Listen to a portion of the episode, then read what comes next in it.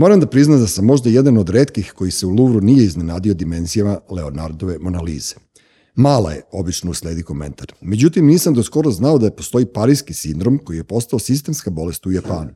Radi se o razočaranju japanskih turista u Pariz. Bolest koja se manifestuje različitim psihičkim i fizičkim reakcijama organizma na doživljenu emociju.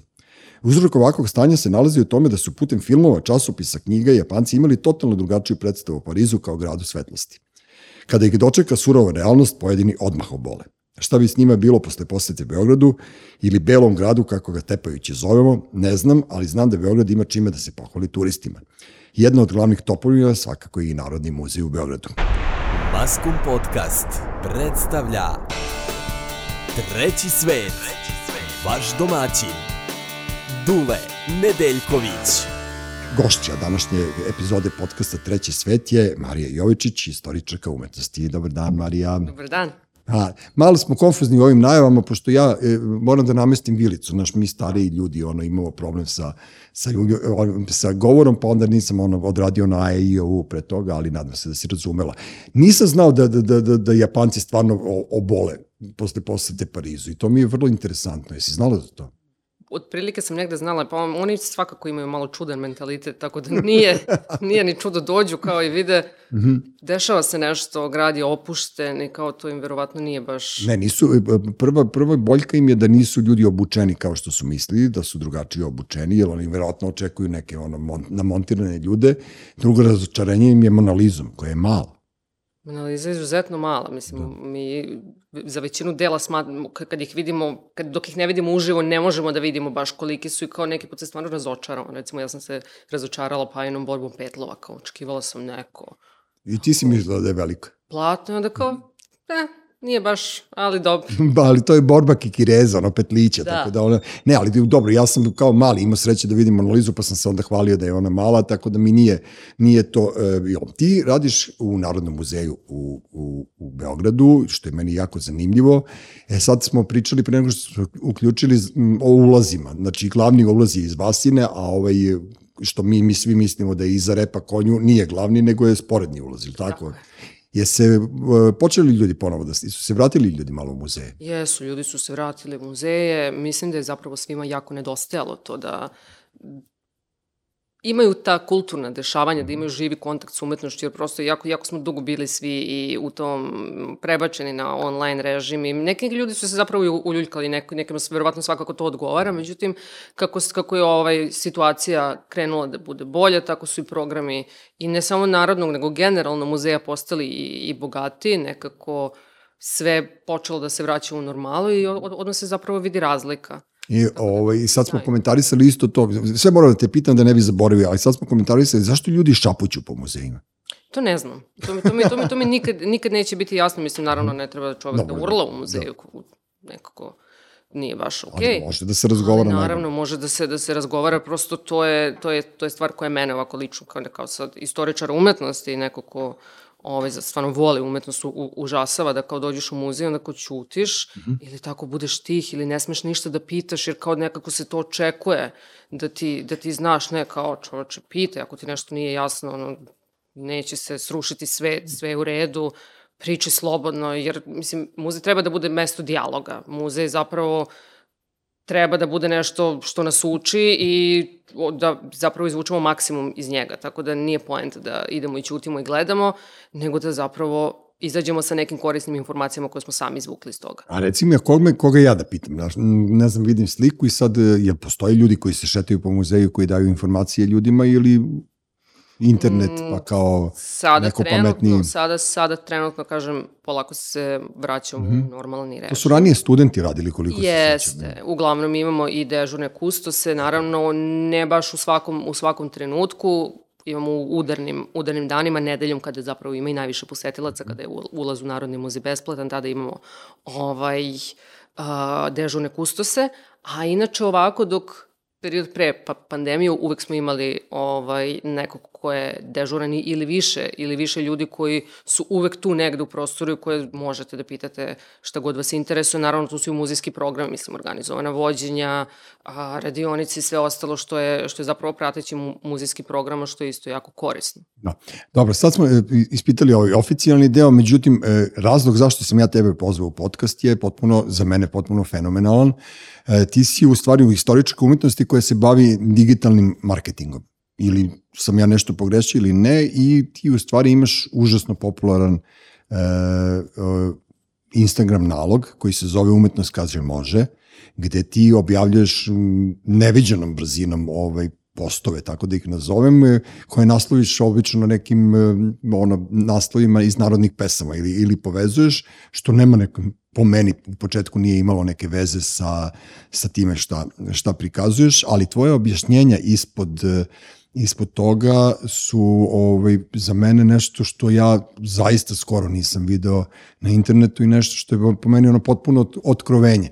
I, I jako se radujem da tako nešto uopšte postoji i da, ne, da se neko na takav način u stvari obraća tim, to su mimovi, je li tako? To je nazomi, pa, nazovemo da. ih, pošto ipak si mlađa generacija i pismenija si ove, od mene, elektronski.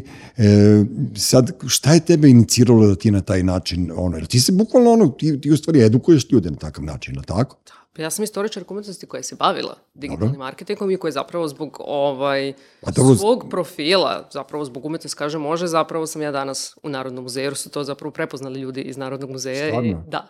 Fenomenal. Tako da, da, da, ovaj, zahvaljujući tome sam ja, ja, ja, ja danas tamo što mi je stvarno izuzetno drago. Ove, ali sam ja inicijalno profil nastao dok sam je radila u, u digitalnom marketingu. Mm -hmm.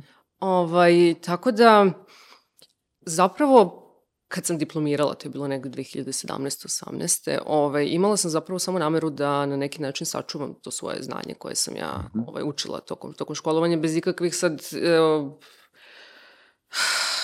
bez ikakvih tendencija i, i ne znam, nekih nadanja da ću ja raditi u struci, jer prosto znamo, mislim, i kakva je situacija u kulturi i kakva je situacija generalno da prosto malte ne niko ne radi ono zašto, zašto se školovao i to je skroz kao fair, bez ikakvog ogorčenja ili, ili čega god, ali sam prosto imala tu, tu želju da to znanje nekako sačuvam i da zapravo na jedan način demistifikujem umetnost, jer ono što sam ja iz svog školovanja naučila jeste ovaj, to akademsko znanje.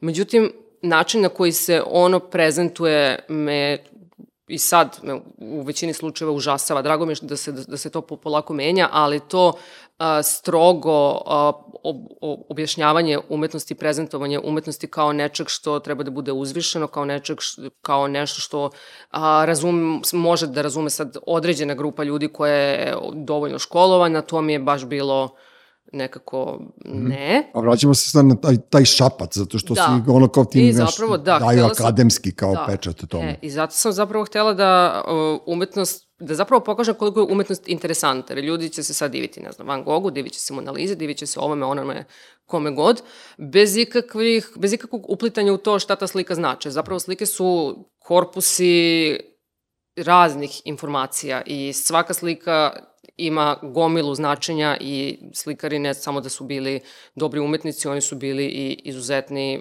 naučnici. Oni su šta možete da pročitate iz jedne slike, to je nešto ne, ne, neverovatno.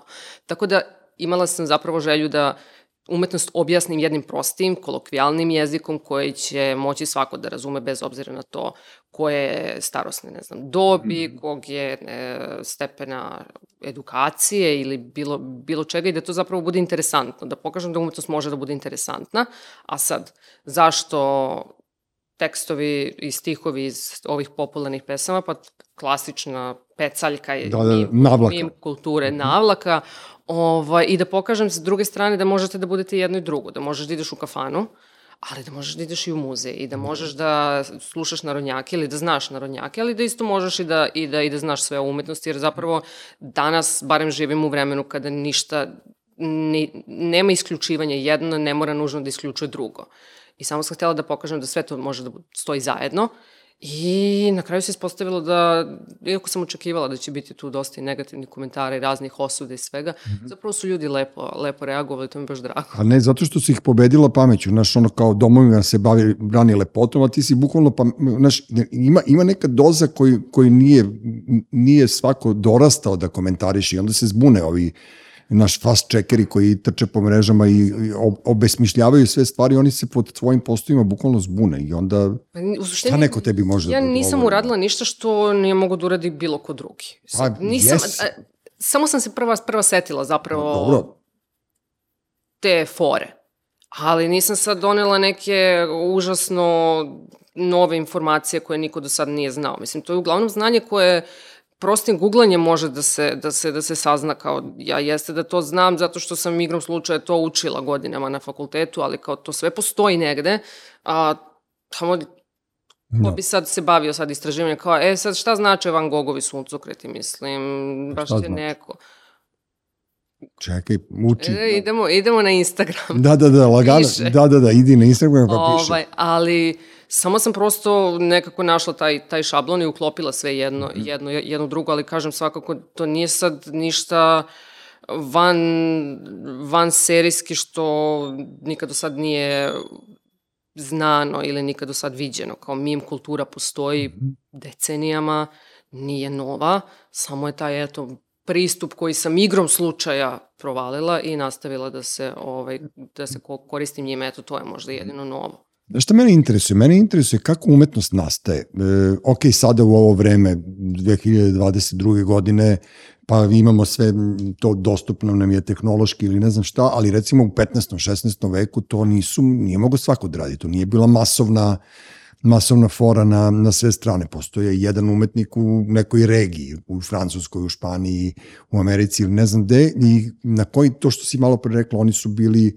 ljudi koji su svojim platnima objašnjavali nešto i da li, je, da li su oni bili, kako ti kažem, slobodni umetnici ili su oni radili po naručbini nekoga Pa, tu ja imam dilemu, znaš, kako su, kako su uopšte postojali, zašto bi se neko bavio slikarstvom u 16. veku? Nisam sigurna. Mm -hmm možda ću malo slagati koju deceniju, ali do kraja 18. početka 19. veka ili do sredine 18. Mm -hmm. veka umetnici zapravo nisu mogli da se nazovu ovom tim terminom umetnik kakav mi danas, kako ga mi danas tumačimo. Prosto umetnici, slikari a, su bili zanatlije.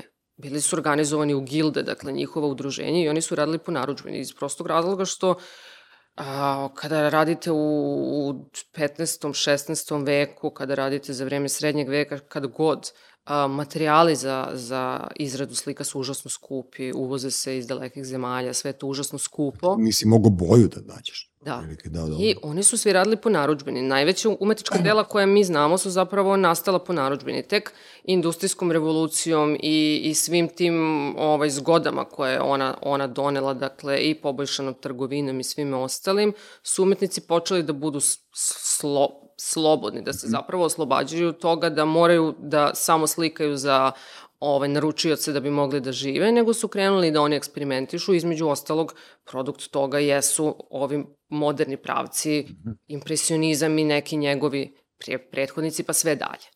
Da, ali da. To, to je to što ti kažeš u 18. veku plus minus 10 godina, to je tek tad postalo masovno, nego mene interesuje to, to kao neko naruči, pričali smo o Miroslavim evanđenju, to je neko, ono, u stvari, sin Dušana Vel, Silnog, je li tako? Ne, brat Stefana brat Nemanje. Stefana Nemanje je... Ovaj... Knjez Miroslav naručio ovaj, za svoju crkvu svetog Petra u Bijelom polju. Dobro, zato da bi iskupio greh, je li tako? Između ostalog, ali i svaka crkva, zadužbina, vi sad ste srednjevekovni vladar, podignete crkvu, zadužbinu i ona mora da ima svoj psaltir ili četvoro evanđelje, tako da I takvi rukopisi su bili pogotovo tada užasno skupi, pogotovo to što se radi o a, pisanju na pergamentu, dakle na go, goveđoj ili jagnjićoj koži, da je boja užasno skupa, da se rade iluminacije, pogotovo za te ovaj, crkvene, to jest re, religijske knjige koje Ovaj su, u, pa- treba da budu dragocene, tu je i zlatna boja, tu, tu je plava boja koja u, u, to, u to vreme se dobija iz lapis lazulija koji se dobija sa istoka, dakle, to je užasno skup proces i morate da nađete pisara koji Koji je to pisan. sve, Da. koji će sve to da napiše, to je u, užasno i dug proces i užasno skup. Tako da, Da vidiš ko bi to rekao. Ja tu uopšte nisam recimo razmišljao i gledao i posmatrao na takav način. I onda sam shvatio da je u stvari od Gutenberga tek nastalo ta masovna štampanja knjiga. Ranije je knjiga bila bogatstvo. To je prosto, ono, znaš, nije moglo da se izmeri To- novcem svaka knjiga koja je koštala. do, i, do ovaj, popularizacije papira, pisano je na pergamentu, dakle, kažem, ta jagnjeća ili teleća koža je prvo morala da se štavi, da se glača, da se onda seče u određene dimenzije, da se povezuje, tek onda da se piše. Užasno je bilo teško, mislim, i da, i da se takva, takve knjige i po, povežu, one su zapravo nakon nekog vremena izuzetno krte, s obzirom na to da se radi o organskom materijalu, dakle, to je bio ceo jedan proces koji je iziskivao i mnogo novca i mnogo vremena, tako da Dobro, da, mi sad ne, ne znamo zapravo koliko je nama lako, imamo papir, pa evo imamo papir ovoliko šarama. imamo, Da, imamo ovaj, fotokopir mašinu, imamo štampač. možeš da radiš šta god hoćeš, ali nemamo mozga. Da, jel, ipak treba, treba biti pametan pa raditi neke stvari, naročito što se tiče u kulturi i umetnosti. Zašto ti se e, taj profil na Instagramu zove umetnost, kaže može? Šta umetnost može? Može sve. Može sve. Pa to. Jako jednostavno, da. Um, Da, ako, ali, sve, pošto može sve, ali mora neko da, da, da bude tu koji određuje kriterijum, je li tako? Da postavlja neke stvari. Ne možeš ti sad baš sve da, znaš, ne, ja tebi verujem, kao vidim o čemu ti, šta postaviš, koju sliku staviš i onda ja kao tu pol sezam, pa se ja zainteresujem, Van Gogh, pa se ja zainteresujem, znači mora da postoji neko ko će da rukovodi i ko će da, da drži volan u, u svemu tome, zar ne? Pa da. Mislim, kada umetnost uglavnom, mislim, kao i sve stvari, mm. -hmm. ovaj, moramo da gledamo sa određene istorijske distance. Tako da a, neke stvari koje su se desile pre pe- 50 godina, verovatno su u to vreme dešavanja zvučale ovaj, mm. -hmm. ljudima koji su to vreme živjeli mnogo drugačije nego što, mi, što ih mi percipiramo danas. Tako da, a, s te neke strane, kada studirate istoriju umetnosti, kada studirate šta god, a, pogotovo te ovaj, stvari kao što su istorija, arheologija, ovaj, istorija umetnosti, nekako gotovo sve stvari gledate sa od, određene istorijske distancije. Zapravo tek tad možete da ih nekako lepo sagledate i da ih povežete sa sadašnjošću i sa, i sa svim. I sad postoji ta neka objektivna strana. Ja se uvek trudim, kao ja sam naučena, moja profesija meni kaže da ja moram da budem objektivna. Sad, naravno, meni sad može recimo da se ne sviđa ovaj koncept rada Marine Abramović, Dobro. da ona to me, meni lično recimo nije nešto što je ovaj, moja šoljica čaja, ali da sa te objektivne strane moram da priznam da ima i tekako ovaj, odjeka u umetnosti da je i tekako značajna za umetnost. Sad, hteli mi to da priznamo ili ne, prosto neke stvari su takve kakve, kak, kakve jesu i da neki put subjektivno moramo da odvojimo od objektivnog. Pa dobro, to, s tim se slažem, a i opet ja imam tu foru, ko, ko određuje cenu i ko određuje šta je kvalitet, šta nije. E, na koji način, recimo sad, zašto neka slika košta milion eura, šta, šta njoj daje tu cenu? Da li ta neka istorijska konotacija kada je nastajala, da, da li poruka koju tu sli, ta slika ima, koju ne može običan čovjek da vidi, recimo ja dođem pa sad pogledam ovu sliku koja je na zidu pa kao naš ne kapiram, a neko je proceni da toliko košta. Ko su ti ljudi koji to rade? I kako se to radi uopšte? Iskreno ja ne znam. Dobro? Ja mislim da, zna- da znaš ljude, nego ne, ne, ne, mislim, e, apsolutno ne znam, verovatno tržište i vreme zapravo diktiraju cenu. Mhm. Naravno, starije, stare slike će uvek biti, biti na ceni, što je slika starija, to je, ovaj, to je skuplje, naravno, ko je naslikao takođe, mislim, ne samo slika, bilo kakvo umetničko delo, ko je autor, koliko je poznat, naravno da to ima ovaj određenu cenu i sad, št, verovatno što je zvučnije ime, Mhm. to je cena veća. Pa dobro, Sad, to, to je neko odredio. Kažem, nemam pojma kako se to tačno kreće. Ne, ja razmišljam sad kao donesem ti neku sliku i kažem, aj Marija da vidimo koliko košta, ti ne radiš to, je li tako? Ne, to se, time, time se bave ljudi ovaj, koji su i mnogo, du, mnogo više ovaj, u, u ovom poslu, a i time se uglavnom bave danas, koliko ja znam, ovaj, privatne umetničke galerije koje imaju svoje procene. Dobro, a gde, koje je top u tvom zanimanju? Sad si ti ovaj, još uvek mlada, ali jednog dana kada, kad uđeš u neke zrelije godine, šta je, ka, kako se napreduje u, u, u, u vašoj profesiji? Mm, u našoj profesiji se napreduje. Bićeš profesorka na akademiji, verovatno. Ne, Ne, a to je dosadno, dobro. Ne, za, za to bi trebalo da se potpuno profilišem u neku, u, u, u, ne, u neku drugu stranu. Za, za početak trebalo bi da do, završim doktorat. A, dobro, izvini, izvini, molim te. Da, da. A, kad, recimo, kada radite u muzeju Aha. i a, godinu dana stažirate, Dobro. a, onda polažete ispit za kustosa, postajete kustos, ovaj, nakon sedam godina a, dobijate mogućnost da postanete viši kustos, takođe se polaže Koja ste vi hijerarhija u crkvi? I a, nakon toga a, muzejski savjetnik. Muzejski savjetnik je najveća titula. Aha, muzejski savjetnik je najveća titula. Da. I šta, savjet, ono, kao šta taj čovjek, onog u stvari on pronalazi, postavlja izložbe, sugeriše. U suštini, a, kada se radi o tome, svi zapravo rade isto. A, jedina, ra, mislim, svi se bave istim poslom. Jedina razlika je u tome što u suštini duže ste u muzeju, imate mnogo, mnogo, mnogo više iskustva. Sad, pošto sam ja vrlo kratko tu, sad nisam možda kompetentna da pričam ovaj, Pa dobro. ovaj, na tu temu, ali otprilike tako nekako ide, ide hijerarhija. Pa dobro, e, ti ne praviš, jel praviš razliku ono, u umetničkim delima, ono, između, ne znam, nekih, ono, vekova, između godina, Mislim, ili je to to sve ja kao mislim- umetnost, i- ili je tebi sve ono umetnost, e, kaže, može. Otprilike to je to, znači ne deli se uopšte umetnost i umetnost, ili tako to? Umetnost je umetnost, mislim, bila iz 20. veka ili bila iz uh, 7. veka,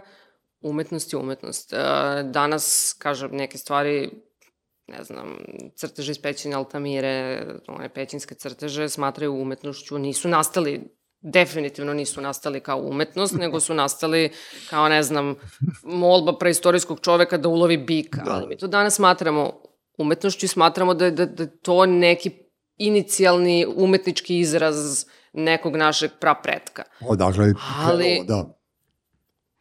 Sve može da bude umetnost i ništa ne mora da bude umetnost. Ne znam kako, kako bih to objasnila. Pa, pa Kažem, ja- tu subjektivno i objektivno uvek šetaju.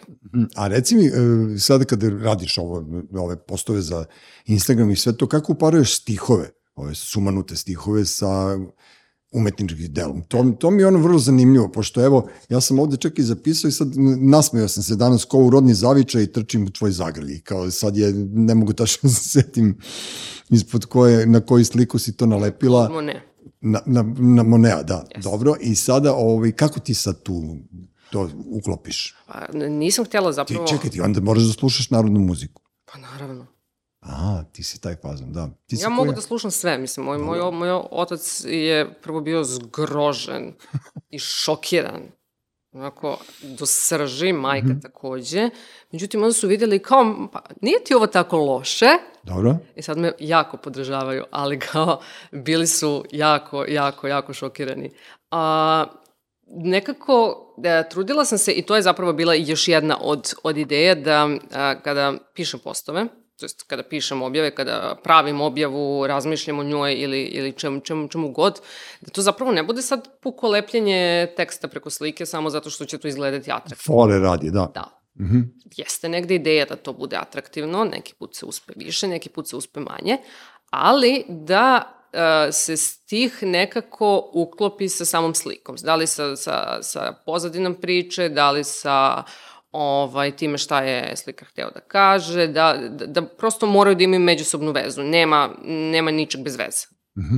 Tako da, ovaj, to je bila, to je bila ideja i onda mi je to kao, neki put se desi da mogu svaki dan da produkujem, onako kao na traci, Mhm. Hiper pro, produkujem zapravo, a neki put se desi da prođe mesec dana i da ja kao nemam nikakvu, ni najblažu ideju šta bi moglo da bude sledeće. Imaš belu stranicu. Bukvalno, kao ništa se ne dešava. A dobro, ali produktivno si, kažem, evo, sad, evo, otvorio sam ovde, čekam ti izgasirana, pa nemam knjižicu, apropo toga da e, večeras je, mi ovo snimamo ranije, ali nema veze, biće interesantno kad pogledamo snimak, da li smo bili u pravu za konstraktu, ovaj, e, šta, šta gledat ćeš Euroviziju? Rekla si da moramo da požurimo sa snimanjem da bi ti gledala Euroviziju. Kakve veze ima Eurovizija sa, naslovim, sa ovim naslovima narodnih pesama? Ti si sve to izmešalo na, na super način, a? I kakve veze ima Eurovizija s narodnom muzikom?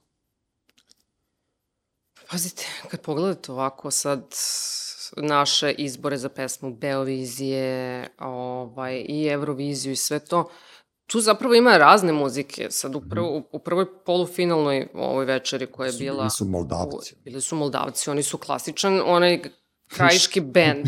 Shepard Bush, ono, da, da, da, ono, najgore, pa ne, Goran Bregović, ono, zabranjeno pušenje, nešto u tom fazonu, da. Ne, ovo, ovo, ovaj, ne. Ovo je gore. Ovo je gore. Da, dobro. Mislim, jako, jako su za, zanimljivi, ali kao, ima, ima svega.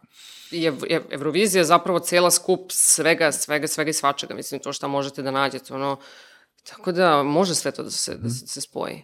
Nije nikakav problem, mislim, to je zapravo najmanji problem. A šta misliš da će da uradi konstrakta?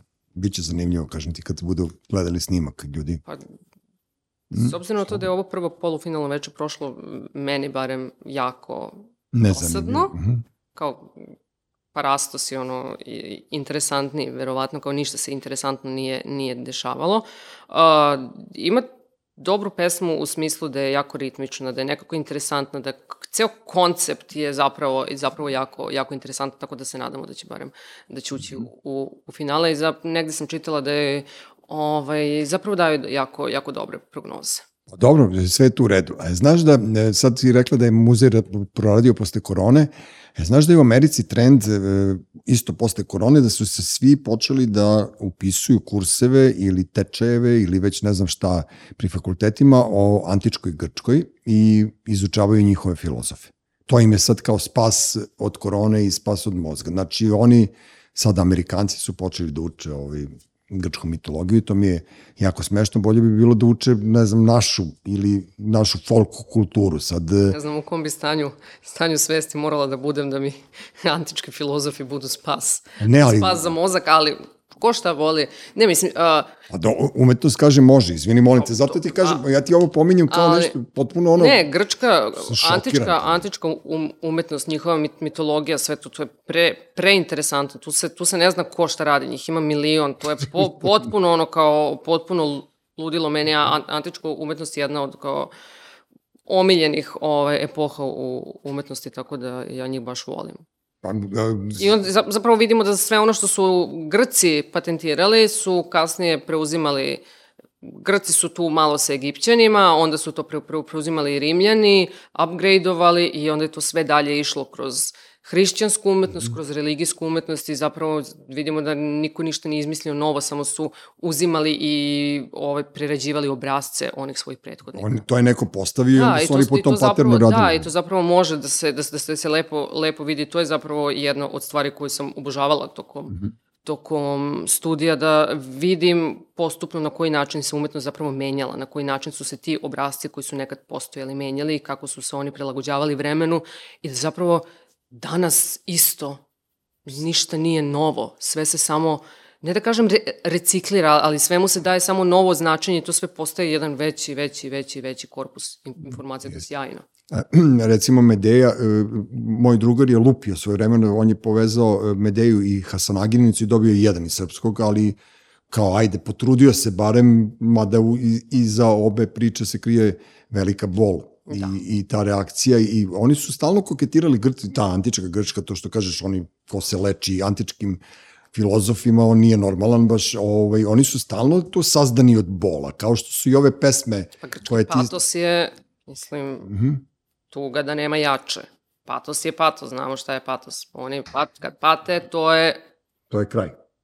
Da, ali vidiš, to, to ti kažem, a, a ja nalazim tu recimo ono poveznicu sa e, naslovima narodnih pesama.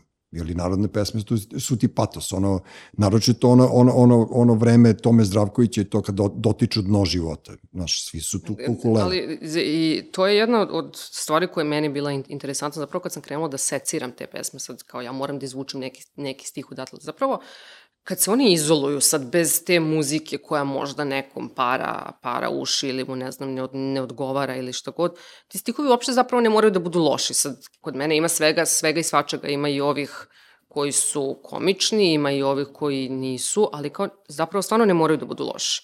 Bilo ko da ih je otpevao, bilo ko da ih je napisao, apsolutno mogu da budu sjajni. S tim što nekako imamo predrasudu prema tome, zato što to je, ne znam, turbo folk ili to je otpevao ne znam ko i onda kao mi automatski imamo averziju prema, prema tome što kao stvarno poštujem, ko šta voli, nemam ništa protiv, ali kao meni, kad sam krenula da to istražujem i da to spajam, samo nekako kažem, da. ne mora da zvuči loše. A, pa ne, ja sam, ja, ima, ja tvrdim i dalje, mada ne slušam tu muziku, da su sevdalinke u stvari na, na tragu onoga što, zašto je Bob Dylan svoje vremeno dobio no, no, Nobelovu nagradu. E, ta, ta, to, to su one pesme koje idu iz duše, koje ti kidaju i reči tih pesama, a tih 70. godina, recimo 80. su bili prave poete u, koje su pisale tekstove za tu narodnu muziku i sećam se nešto Miroslav Ilić je imao pesmu e, i u krčmi krčmim svoja stada. To mi je bilo nešto kao svoje vremenom baš ostalo, ostalo onako upečatljivo da niko recimo Drokera nije napravio takvu neku ono, ne znam, e, egzibiciju što se tiče reči. Znaš, ima tu nečega, ima tu zaista nečega i nije samo za ismevanje i to je dobro da si ti to prepoznao i da to povezuješ uz nešto što je ono ultra ultra umetnost, otprilike, znaš, kad ti, ne znam, nalepiš neku narodnu pesmu na Van Gogha, to, to potpuno ima neko, neko novo značenje i neku novi, neki novi kontekst. Da li ćeš ti uopšte to nekada, ono, mm, napraviti nekog, ne znam, ni ajde, ne prospekt, nego knjigu o tome. Bilo bi interesantno sve te tvoje i, i umotvorine, bukvalno su umotvorine ovaj, nabiti u neku knjigu pa jednog dana i komercijalizovati, zašto da ne. Možda jednog dana bude učbenik u školi. Ali bukvalno ne na... te, ali javljaju mi, se, javljaju mi se i srednjoškolci, javljaju mi se i profesori ovaj, likovnog i tako toga. Mislim, meni je stvarno baš, baš mi bude, bude drago kad vidim da su, da, da, da su to moje kolege, kao obično ovaj, kolege mogu najviše da vas, da vas usuđuju, da imaju naj, najoštrije... Kako beše, ono, žena je ženi vuk, to, tako, i, i, i tako je kolega i kolega. Istoričar da, umetnosti. Da, da, da. Ovaj, ali, e, kad mi se jave i kažu kako, je to, kako, kako mi je sjajno, ono, bilo od koristi, kako im je pomoglo i to, to mi bude baš, baš super. Ovaj, ali što se tiče komercijalizacije, tu sad postoji problem sa ovaj, i autorskim pravima i sve jedno je kada pravite nešto što je potpuno nekomercijalni projekat koji ovaj, i tu služi samo za, za edukaciju, tu negde postoji na, u, u, u nekom virtualnom prostoru, a drugo je kada želite da, to jest kada postoji tendencija da ovaj, se materijalno koristite o, o, o njega. Što... Ne, ali bilo bi, e, pazi, da ti kažem, moja čerka recimo ima 14 godina, sin ima 12. Ja sam juče kad sam ovaj, e, govorio šta ću da radim, ja sam naleteo, evo, pusti najveću mešćavu gospode, pa sam to sevio, jel ti u jednoj rečenici u stvari koristiš njihov jezik, jezik dece moje, e, sneg ćemo nekako i da preživimo, ali forice o snegu i cringe humor recimo ja nisam znao cringe, što znači dok nisam pitao čerku, ozbiljno, e, u koji to mora da se umeša vlast i nekako na, na e, opšte mesto ja sigurno neću preživjeti jer se tako aprijatno da ne umem ni da opišem. I sad si ti te dve reči koje oni koriste u svakodnevnom govoru, što je meni potpuno fenomenalno, što smo mi govorili svoje vremeno šatrovački, da nas ne razumeju roditelji, ja sam bio u fazonu, što znači cringe, kao nemoj da se izblamiram, kao to. Znači, znači ima nešto što, što e, tebe konektuje sa tim klincima i ti možeš na takav način da ih zainteresuješ, a ne ja. Znaš, ne, ne, ne, ne neki ljudi koji će na neki na akademski način, mrzim tu reč, ali ne znam kako drugačije da, da objasnim na tu totalni straight, onaj način na, i u književnosti, što ljudi koji se bave tom straight književnosti i, i, i, i koji slikaju straight i koji pišu tekstove u novinama straight, meni je više dosadilo. Daj malo da ga okitimo. Ja kažem, to mi je negde, negde bio cilj da kao pokažem ljudima kome god. Mm -hmm. Može da bude i neko ko ima 30 godina, ko ima i 50, nebitno. Nebitno, tačno. Ali da pokažem da zapravo umetnost i tekako može da se ispriča našim normalnim jezikom i da nećemo da obesmislimo umetnost ili da je a, napravimo manje vrednom time što ćemo da pričamo o njoj kao što bi pričali u normalnom govoru. Šta, grčka mitologija gore od španske serije, mislim, to je činjenica i sad kao... ali to treba, ali to treba reći, razumiješ? Grčki panteon je jak, bi bio jako ovaj, kompleksan, jeste, ali je, mislim, činjenica da je bio španska serija. Dobro. Ali to sa, sasvim može, može, može da se, da, da se kaže i ne mora to, kažem, nije namenjeno time da, da se time obesmisli umetnost ili da se time ovaj, učini bilo kakva šteta umetnosti, mm. nego samo da pokažemo da, to je da pokažem da može sve da se ispriča nekim normalnim jezikom i da zapravo iz, iz toga može da se, da se nauči nešto bez, bez da to bude taj akademski pisani ovaj go, govor koji je pun tih nekih Koji dosadan, termina koji ali mi ne razumemo. Mislim, ja mogu da se, da se, da se izražavam stručnim terminima, ali to će razumeti samo moje ko kolege i ljudi koji su iz, iz struke ili ljudi koji, koji se baš time, time bave ili, ne znam, se iz hobija bave umetnošću. Mislim, ja mogu da kažem polijelej, ali mogu da kažem onaj luster u crkvi, znate, onaj ogroman okrugli Pa to što si rekla, koji- Polila, ja, ja nemam pojma što si rekla. Lepo da. je, lepo je da čovek zna, volim, Mhm. volim i da, i da objasnim ako već pričam o nečemu, ali da, kažem, da objasnim. Da kažeš da je cringe nešto. Što mi je to lepo reći. Nisam, nisam je do sad koristio, sad ću da je koristim za, za, sve, za sve što mi je ono, što mi je cringe. E, e, kažem ti, e, potrebno je, jako mi je drago e, da, da, da neko poput tebe razmišlja na takav način. Ja sam mislio da, da, da, je, da je bukvalno stalo u jednom trenutku, da je, da je sve stalo kao naš, da se pojavilo neko belilo i da nije bilo ne, ne, neke nove muzike, da nije bilo ni nekih novih ljudi koji se bave tim, ajde, ja ga, ja ga nazivam kuratorstvom. Ovaj, međutim, pogrešio sam na moju veliku radost i, i, i, i, i, i, i drago mi je da da postoje ljudi poput tebe koji se na takav način ono normalno bave time, koji znaju da komuniciraju normalnim jezikom sa nekim ljudima i da ih na neki način edukuju. E, kada smo već kod toga, ajde sad da ne pričamo o slikarima koja ti je slika omiljena ili koja nije i šta ko govori, e, da se vratimo na Narodni muzej, pošto ipak mi smo u Srbiji, mi smo u Beogradu koji je divan grad za mene i uvek sam ga najviše voleo. U Narodnom muzeju postoji vredna postavka, je li tako? Stalna postavka je izuzetno Vredna. vredna i izuzetno interesantna. A šta ima? Čekaj, vi ste digita, digitalizovali Miroslovo Evanđinje Jeste. i to je bio procedura koja je trajala godinama, je li tako? To je moralo pažljivo da se uradi, da nema Pa neko da, nešto sjebao, kažem, to je naravno. Da. izuzetno vredna, vredna knjiga koja je morala da se... A jel ona postoji u fizičkom obliku u muzeju? Ja se izvinjavam. Ja, Da, da, da. da. A kako ste je zaštitili? Da, ne, da neko Pa ne... ne, ona ima po, posebnu komoru u kojoj se Dobro. čuva, tamna komora u kojoj se čuva i posebnu vitrinu koja ima svoju mikroklimu. To te pitam da ne bi neko Da, da, da, lizno ne, ne, ne, ne, ona, da. ona, dakle, ima svoju posebnu mikroklimu, znaju, zna se, mislim, i kako, i kako se stranice okreću kod takvih Mhm. rukopisa, dakle, to se ništa ne pipa rukama, Čekaj, to ono Vučić, ono što je se zahlinio na njoj, nije pipo on to. Jel, ne, to je, to je neko drugo fototipsko izdanje koje nema veze sa nama. To su mu uvali. Nego, ne, Ovaj, da.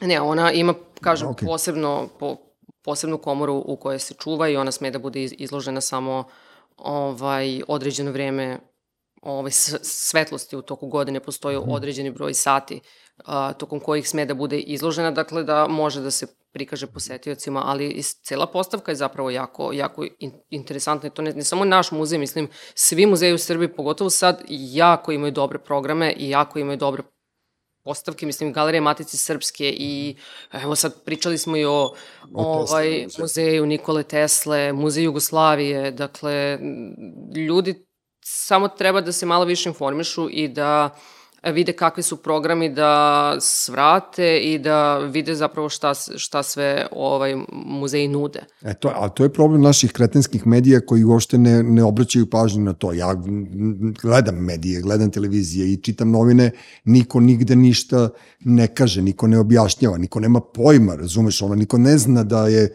nedeljom e, slobodan ulaz u Narodni muzej, niko ne zna da postoji postavka izložbe u Muzeju Jugoslavije, niko ne zna da postoji postavka izložbe u Teslinom muzeju, to znaju samo stranci. Ovi naši... E, znaju. nas često posećuju mediji, to moram da kažem. ali ovaj, i- fore radi. Kad, ja sam pokušao da nađem što više informacija i nešto nisam ovaj, Štura I vrlo smo ovaj, revnosni što se deljenja informacija Mhm. o svemu tome tiče na, i, na, i na društvenim mrežama i stvarno se trudimo ono, da budemo, da budemo što, što vidljiviji, ali mislim, mislim to je sad možda meni, zato što ja kao pratim sve to, ali mislim da svi muzeji zapravo, zapravo se trude, samo ljudi ili nemaju naviku da, da, se, da se o tome informišu ili uh, informacija mora da im se baš servira da bi, da bi se videla. Pa dobro, ono kao e, ljudi su oportuni vrlo u, u što se tiče kulture, to uvek znamo i uvek svi vole da im nešto daš za džabe i tako dalje i tako dalje, no nebitno. Reci mi, šta, e, koji je naj, najvredniji eksponat e, Narodnog muzeja? Iskreno ne znam. Mislim, Či, mi šta je se- naša Mona Lisa? Šta je najskuplje kod nas? Ne znam. Ne znaš? Pa, mislim, mi se ne bavimo Ma materijalom. šalim se, nego kad bih hteo da kradem, kad bih hteo da ukradem nešto, šta bi išao, šta bi da marnem u muzeju? Nemaš pojma. A, nećeš da kažeš si. Kažem, mora mi, da- se, mi se ne bavimo kao, kao tom nekom ma, ni materijalnom pro, procenom, prosto ne, ne govorimo u tim ma, dobro. materijalnim kategorijama, ali kao ovaj, svi, svi nekako smatraju da je, da je naša Monaliza ovaj, devojka u plavom Đure Jakšić. Dobro, to pa pretpostavljao sam, da, da, da. A recimo, ili ima modernih, e, savremenih slikara u muzeju? A, imamo deo a, postavke jugoslovenskog slikarstva a, Mhm. 19. i 20. veka koji se bavi ovaj, modernom umetnošću, što je nekako prosto da bi se zaokružila ta hronologija, jer kreće od ovaj, početka 20. veka i, i impresionizma, pa da bi se to prosto onako završilo. Ali najveći deo, deo slika je definitivno u, u Muzeju savremene umetnosti, tako da što, što se toga tiče, oni su... Oni su držali ovaj, to. Da, oni imaju i mnogo, i mnogo veću postavku i mislim generalno se mnogo, mnogo više bave E, savremenom. ali znaš da postoji u, u recimo u privatnim e, rukama, ja baš što znam moje generacije, postoje ovaj e, pravo blago koje niko nije još nigde ono uveo ni u jedan muzej, ni u jedan sistem. Otprilike Dule Gerzić ima Gerzine slike, pa onda Bojan Pečar ima svoje slike pokojni, pa Kromanja pokojni s Novog Beograda. To su bili svi ono kao fantastični umetnici neke naše generacije 60-ih, 70-ih godina i ja uopšte ne znam gde su te slike, uopšte ne znam da, da li su one uopšte izložene i da li su one dostupne nečim, nečim pogledima, znaš. Ne znam kako se, kako se dospeva do Narodnog muzeja, ne znam kako, kako se do, to kustosi u stvari prave izložbu, tako vi ono i Jeste. odeš po gradu ili, ili predložiš nešto pa kao sad trenutno je aktivno ti si rekla ova izložba Femina Balkanika. Femina Balkanika, to su u stvari skulpture, jel tako? To je uh, arheološki nalazi uh, Da. iz naše zbirke koji se tiču uh, žena u antičkom dobu na teritoriji Balkana. Dakle, Dobro. sve ono što je iz naše zbirke, pa je izložba zapravo jako, jako interesanta, pošto posle dužeg vremena imamo arheološku izložbu ovaj, i bavi se položajem i ulogama žena sad. Od toga ul- uloge u domaćinstvu, kao majke, kao domaćice, zatim Avguste, kao supruge vladara, kao vladarke, ovaj, žene u kultu, šta je sve zapravo žena mogla da bude tokom antičkog doba i to je sad ne samo skulpture, naravno veliki broj i ovaj skulptura i uh, tih stvari, ali i veliki broj ostalih na, nalaza, uh, ukrasa za kosu, nakita, uh, sve ono šta je, šta znamo da je pripadalo ženama ili ono zašto možemo da pretpostavimo da čime su žene mogle da se bave, da su mogle da budu, ne znam, i muzičarke, da su mogle da budu i lekarke, da su mogle da budu dosta tih stvari koje, koje možda ne možemo da pretpostavimo, tako da jako je dobra izložba. A gde, a gde su uopšte to iskopali? Gde, gde je to nađeno? Odakle se to skupilo? Iz cele Srbije ili je to... To su nalazi koji su sa različitih arheoloških mm Mhm. -hmm. lokaliteta skupljani od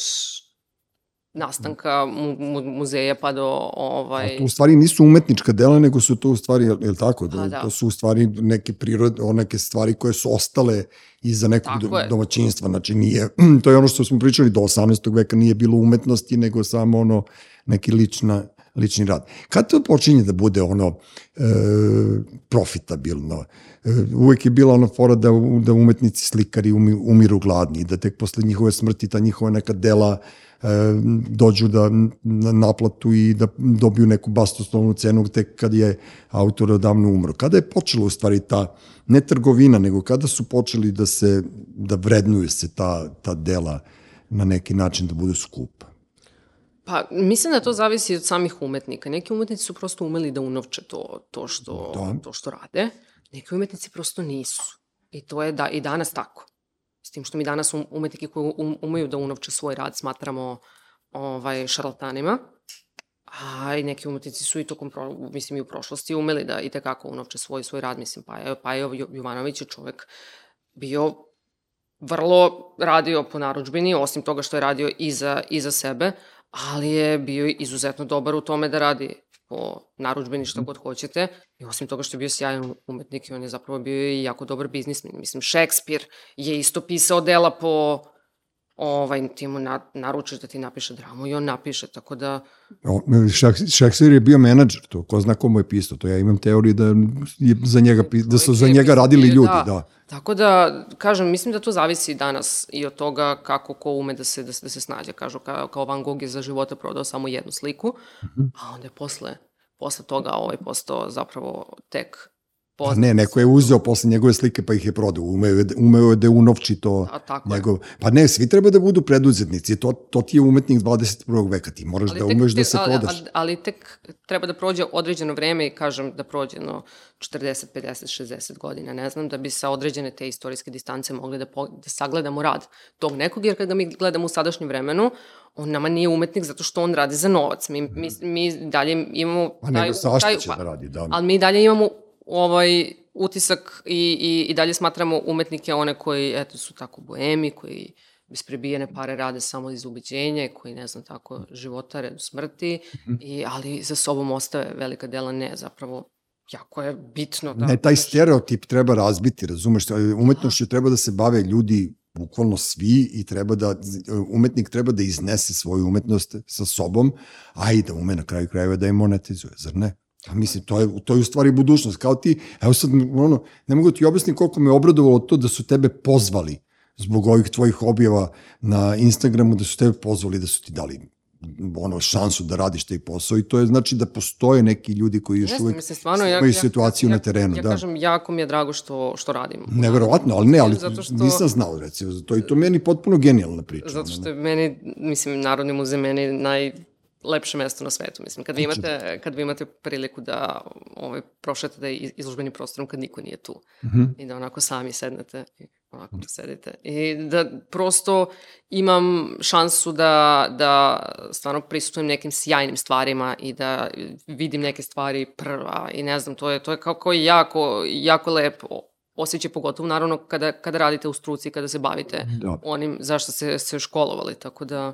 To bi bilo kao da sam ja igram za prvi tim Zvezde. Tako sam ja isto želeo to, naš, da igram za prvi tim Zvezde, ali me niko nije zvao. Tebe su pozvali pa igraš za prvi tim. Ne, Ljudi koji nisu videli tvoj Instagram profil, ajde ovaj, samo još jednom da im objasnimo koji je koncept uopšte toga e, tog profila. Dakle, ti, e, u stvari, nisam video nešto što mi nije ono što mi je nepoznato. Znaš, ja sam, ono, ti se u stvari stavljaš platna slika koje su ultra poznate, u stvari koje bi trebali svi da znamo, ali tu nalaziš nešto da nam objasniš šta je u pozadini. Mislim, mi uglavnom sva, sve te slike znamo. Re, recimo, evo ja, ja ovaj, sam istoriju umetnosti recimo upisala jako kasno. Ja sam pre toga studirala potpuno drugi fakultet i potpuno sam trebala se bavim potpuno drugom stvari, dok nisam odlučila da ja to neću da radim i da ja hoću da upišem nešto što, što želim, ali dok ja nisam upisala istoriju umetnosti, dakle dok nisam krenula na fakultet, ja sam umetnosti znala jako malo. Dobro. Ovaj, školo, ovaj, školovanje nam je takvo i to sve prosto zavisi od profesora do profesora koliko, ćete, koliko će se angažovati da, da vas zapravo nešto nauči. Kao fizičko, muzičko, likovno su uvek tu neke pre predmeti pro forme koji služe da izvuku prosek. I ja sam iz srednje škole izašla ni sa kakvim znanjem o, o, iz, iz likovne kulture, to je sa jako oskudnim, nedovoljnim, apsolutno, koliko bi možda trebalo, trebalo da bude. I kad sam upisala istoriju umetnosti, a, sam tek shvatila koliko je ona interesantna i koliko ona može, može da bude interesantna, samo treba da se a, čovek zainteresuje za nju. Pa dobro, ja sam se ložio kao klinac da upišem istoriju umetnosti ja znam samo jednu osobu pored tebe, evo sad, u ovom trenutku koja završi istoriju umetnosti. Ja jako malo ljudi poznajem koji kao, odlučili. mi sve te slike znamo. Da. Ne, nama su te slike ultra poznate. Mi ćemo ići u Beč da vidimo Klimtov poljubac i mi ćemo ići u, u Pariz da se guramo tamo sa, sa, sa stotinama turista da vidimo Monalizu, ali kao šta zapravo vidimo? Da. Šta zapravo vidimo? U šta, u šta zapravo gledamo? To je ono kao...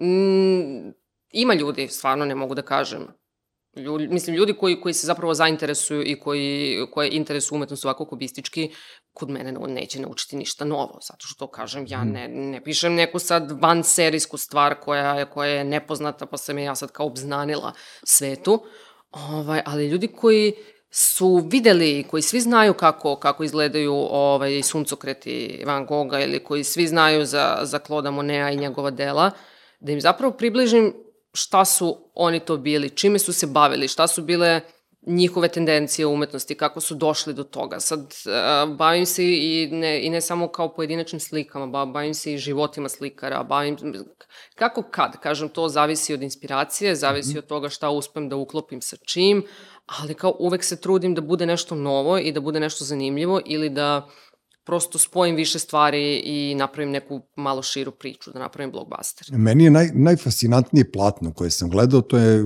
Krik, Monkov. I onda sam ja pokušavao da prolim da li je on bio normalan.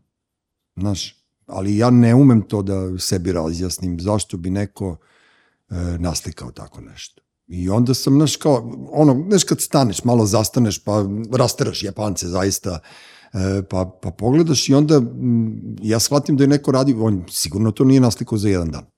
Znaš, nije to ono brzinski, kao nego je to rađeno, otprilike neki proces i postupak, kao kad pišeš knjigu, kao kada praviš auto, kao kad si smislio točak pa si napravio kola. Znači, on je morao da bude fijuk ili, ili neko teško, znaš, da je on bio psiho, a?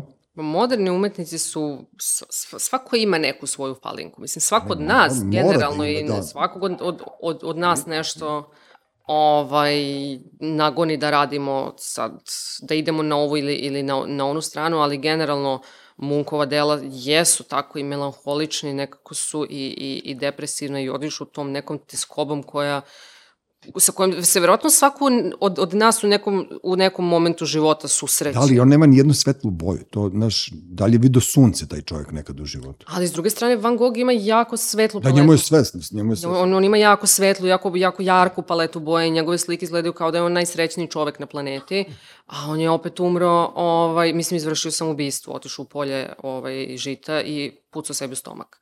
A on je tako to- završio, da, to nisam A pre znao. toga je Da. sebi ocekao uvo, mislim, dakle, da, on je otišao u delovi. ali, da, u- da, ali opet kad, kad gledamo ovaj, opuse umetnika, ne možemo uvek baš da nazremo šta se, šta se dešavalo u, u, u njihovim životima. Negde možemo da vežemo, ali negde prosto ne. Sad, kad, bis, kad ne bismo znali ovaj, ništa o, o, Van Gogovom životu, a znamo dosta jer je pisao svom bratu Teu, pisma i pisma i pisma koje su zapravo pretočene u neke knjige i, mm -hmm. i, i me, memoare, mi bismo mislili da on odlazi tako u, u, u Arl i da on tamo sedi i uživa i tako slika i sve je jako lepo, svetlo, ovaj, sve je idealno, međutim, iza tih slika se kriju ja, te, teške, i teška priča i zapravo njegove teške misli koje, koje on pokušava da odagna na taj način što slika to, to što mm -hmm. slika, ali prosto svako od, od nas ima neke druge o, o, mehanizam kojim se brani, tako da Da, pa ne,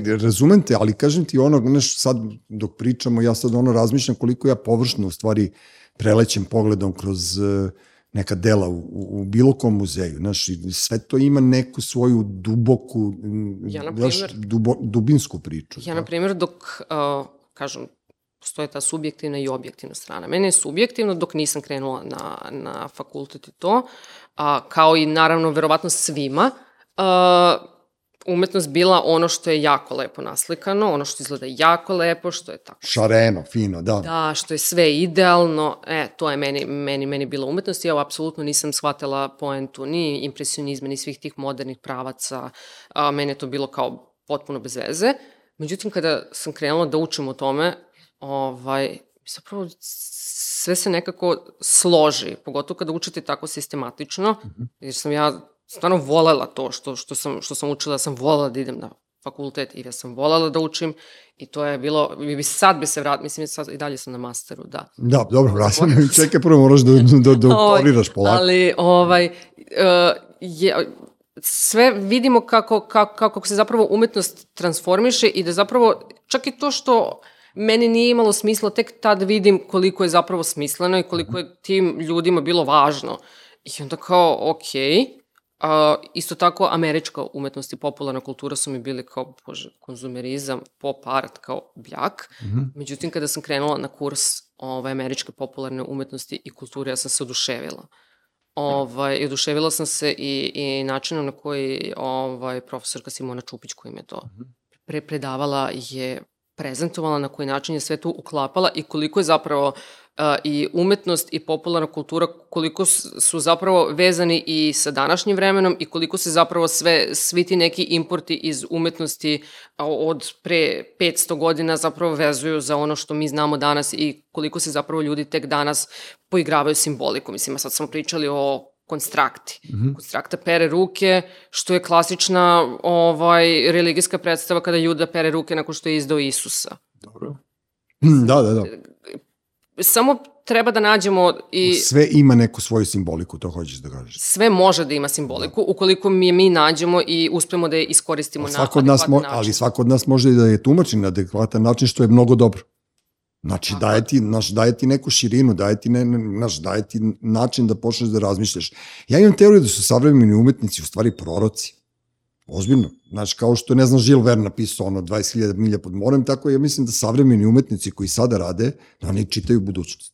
A to si sad rekla, da, da postoji neka simbolika od pre 500 godina koja se sada ostvaruje. Znači, tako da oslobađa se neki deo mozga kad se baviš umetnošću. pa da, Neka energija te, znaš, nešto te diže tu, ne, nešto postaješ ti. Mislim, i meni đavo. po neki put kad, eto, tako, Da. kako kažem, ja u, u, u glavi imam po, ogromnu količinu informacija koje mi nikad nisu zatrebale, da, da su mi bile krucijalne u životu, kao nisam mogla bez toga da živim, ali eto, na kraju se ispostavilo da su, da su za, za nešto bitne. Mhm. ovaj, tako da kad uspem da te tako neke stvari spojim i da kao, wow. Da, eto, provalila sam, da. Pa tako smo mi učili ovaj, o, o, o, o, Ilijada i Odiseja kroz Alan Ford. Ozbiljno, mi smo tako, ja sam ono, nisam pročitao ta dva dela, nego sam čitao Alan Fordovi i tako smo odgovarali i mi smo dobili dobre ocene na tome što je to nekam spoj stripa i priča, ne znam, broja jedan, kao, znaš, meni je to potpuno genijalno i, i to je ono što sam ti rekao, na ti, ti, ti, ti na neki način si dopravo do moje čerke da je zainteresuješ šta znači koja slika. E, a danas sam pre nego što sam krenuo vama pročitao e, opis, e, sad ću ti kažem, Adolfa Bugroa, to su nimfe koje je satir preplašio na kupanju. I sad, ja ne bih pred tobom da kažem na šta mene to sve asocira, ali satiri zna se ko su bili, da. a kad uletiš među nimfe, to je ono kao, ne znam, prapočetak nekih erotskih filmova. Pa da, To je to, a? Šta drugo da bude? mislim, u Pompeji, Mhm. Pompejima, mislim da Pompeji. kaže Pompejima. Neko, neko, Preuzeću krivicu neko, na da, sebe, da. neko zove jedno, neko, neko zove, zove, zove drugo. U svakom slučaju postoje prostorije ovaj, koje su zabranjene za decu. A, jer su na zidovima freske koje opisuju najrazličitije bludove i razvrate a, svih mogućih mitskih a, i, i realnih bića. Mhm. Tako da, apsolutno, to je sve nekako...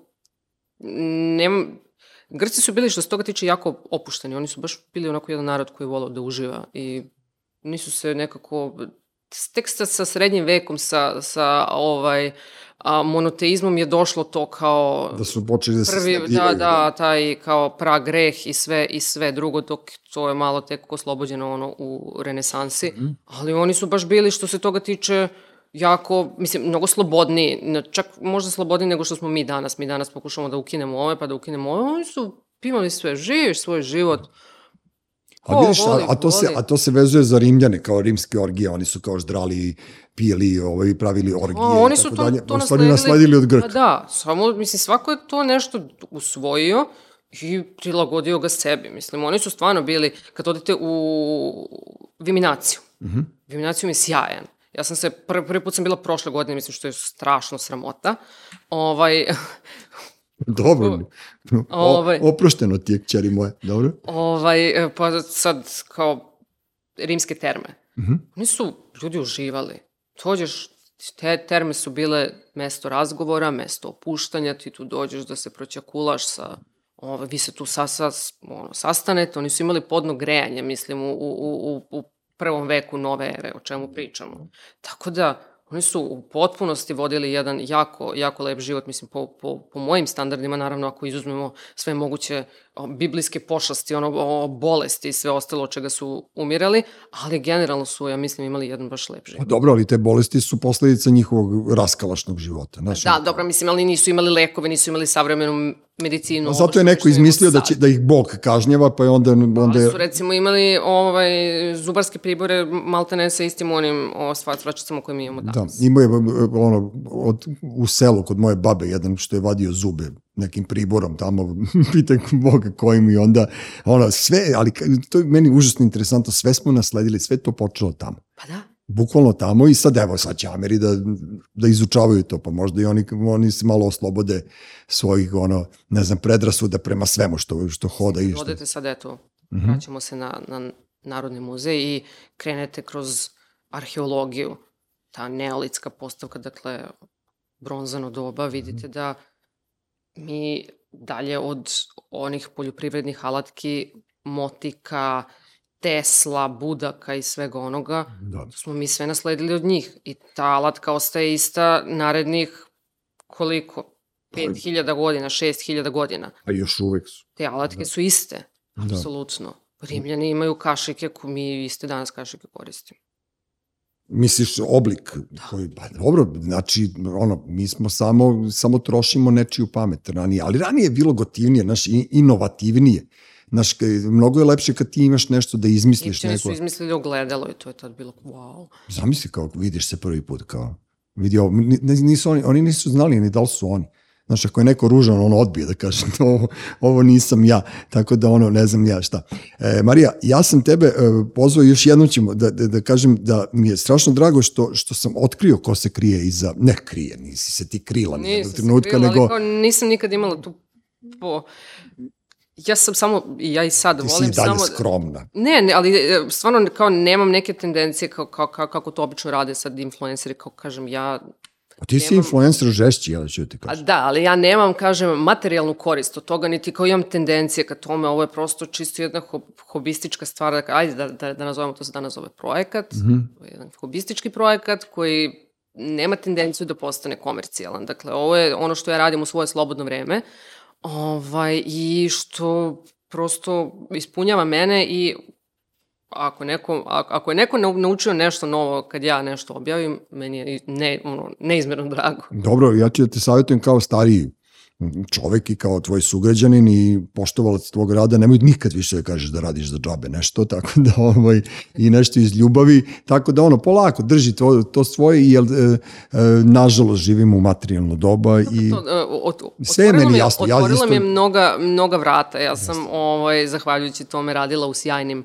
ovaj, marketičkim agencijama i Mhm. sa sjajnim ljudima, dakle, evo danas sam ovde, tu, tu, mislim, tu, tu gde jesam, tako da ima sve to, sve to, sve to svoje prednosti, ali nekako nisam ispala iz uh, onoga što je inicijalno bio cilj Da. uh, profila i nekako se trudim zapravo, ne želim da se odaljim od toga, jer to onda više neće imati poent. A ne, i ti- tih 90-ih čudesnih godina, ovaj, setio sam se reči pokojnog Velje Pavlovića koji je rekao bolje raditi iza džabe nego ne raditi ništa. Tako da, naprosto, naš, neko ko se bavi ovim, ovim delom našeg života, koji ima prefiks kulturni, koji prepoznaje neke stvari, ja, ja, ja to želim, ja, ja, ja prepoznajem neke nove stvari u kulturi i neke nove ljude, poput tebe i meni je jako drago da si ti došla kao gošća podcasta jednog dana kada budeš bila veliki i poznati ovaj, savjetnik u muzeju. Ovaj, setim se, pa kad dođem da pogledam nešto, pa mi daj stolicu da sednem ispred Đure Jakšića da otkrijem odakle je njemu plava boja, koga je sve prevario da bi došao do te plave boje. Jel, Ne, to je, to je, to je već u to, u to vreme bilo mnogo dostupnije. A čekaj, to je ta vizantijska plava, je tako? To beše, to, oko nje su se bre, ono,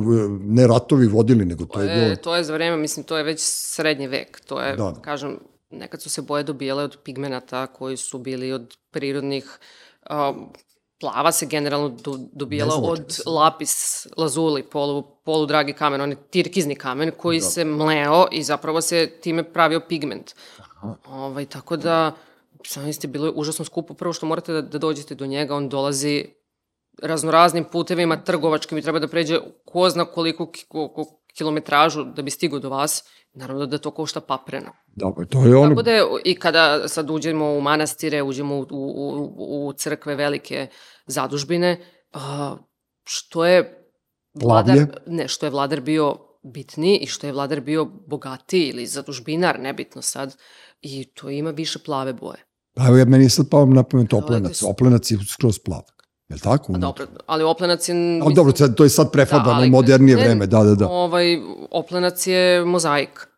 A da, ali plava boja dominira. Pa da, plava, plava boja, boja, boja neba, ali kažem, to je u današnje. Dobro, ja u današnje vreme laik dosta, sad. Dosta jeftinije, na primjer, ako odete u Studenicu, Studenica je zadužbina i Stefana Nemanja iz 1196. čini mi se, Mhm. znači u to vreme je sigurno bilo basnoslovno skupo ovaj, doći do, do tih boja, tako da kad imate ono ogromno raspeće koje je plavo, gde se u pozadini vidi ona plava boja, možete samo da pojmite, mislim, osim toga što je stvarno veličanstven prizor, da to jeste nešto što je bilo izuzetno skupo, ali izuzetno važno da se, da se napravi, to je da se naslika. A koju muziku ti slušaš? Sem ovo profesionalno narodnjake, narodnjake. Šalim se, nego koju muziku slušate? Ja, ja sam od onih ljudi što kažu ja slušam sve. Aha, ali, mislim, od Silvane do Nirvane. Da, ali mislim, kako, kako kad, mislim, imala... Ne, interesuje me to, ono, vi mlađe generacije, šta sad vi tu slušate, ono, kao, naš, vi ste mi svi mimični naš kao brziste, e, što ja kažem, ono, tiktokeri, Instagram, sve to nekako brzo ide, brzo, brzo, brzo i sad ne znam šta, šta slušate, kako, kako naš, naš, ono, ranije je bilo kao, reci mi koju muziku slušaš i tako smo se mi u stvari prepoznavali i, i ono, zbližavali, moji svi drugovi slušaju jednu vrstu muzike, tako smo se ranije prepoznavali. Ne znam vi sad šta je. Mm, pa u suštini, mislim, ove pesme koje se nalaze na profilu, nisu pesme koje ću ja pustiti. Ma naravno, pa ne, sam ja ne daj sama, mislim, a kad da. izađem u grad, to sve se ori, to nemam problem s tim, ali kao za, za, za, za neke svoje, ovaj, kad, kad ja sedim kod, kod kuće, Pa ne znam, generalno volim dinamične pesme. Obožavam recimo Queen, Davida Bowie-a, nešto tako što je kao dinamično, što je melodično, što može da se peva, što je onako udara. Da, ne, pokušavam da provolim koji, ti, koji ovaj temperament imaš. Nisam, nis, ne idem na tu melanholiju, ja sam da. više onako ekstrovert. Tako ne, da... nego, ne, nego kažem ti taj, e, malo pre pomenu Alan Forda, ja naš, strašno volim kad neko, neko na takav način komunicira s ljudima. Zdravko Čolića, recimo. Čo, Čola je, znaš da sam ja imao problem, ali opet ovo nema veze sa ovima, nego mene su stalno mešali s njegovim bratom. I mene pola bosanaca ovde po Beogradu ja, ljubilo. To je to one, one što... što... Gabaš, što drži ćevap. Ćevapđenicu. Jeste, jeste. i mene, ovaj, pošto ja ličim na njegovog brata, mene su zaskakali na sve strane gdje čola i ljubili mene. I onda sam ja bio u fazonu, čekaj bre, brate, što se ovo dešava, dok moja drugarica nije rekla da ja ličim na na, na Čolinog brata, a onda mi je rekla, ali pazi se, pošto on duguje užasno puno love ljudima po gradu, ja se kocka. I onda sam bio u fazonu, samo mi još pali da izginem zbog Čole, tako da, eto, eto umetnost, kaže, može, tako da ono, može. svega ima.